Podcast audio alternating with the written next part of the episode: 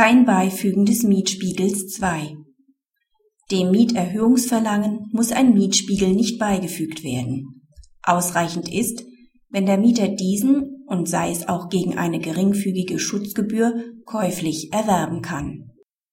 In einem dem BGH jetzt vorliegenden Verfahren verlangt der Vermieter unter Bezugnahme auf den örtlichen Mietspiegel die Zustimmung zu einer Mieterhöhung, die der Mieter verweigert, weil der Mietspiegel, den der Mieter hätte erwerben müssen, nicht beigefügt war.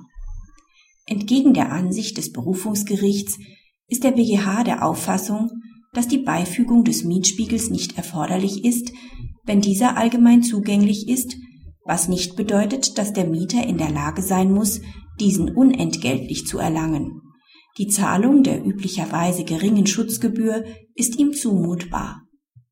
Praxishinweis. Der BGH setzt seine Rechtsprechung konsequent fort. Während bisher offensichtlich Großvermieter betroffen waren, ist nunmehr auch für den Einzelvermieter klargestellt, dass er seinem Erhöhungsbegehren nicht den Mietspiegel beifügen muss. Damit wird die Durchführung einer Mieterhöhung wesentlich erleichtert, zumal der Vermieter im Streitfall auch nicht beweisen müsste, dass der Mietspiegel tatsächlich beigefügt war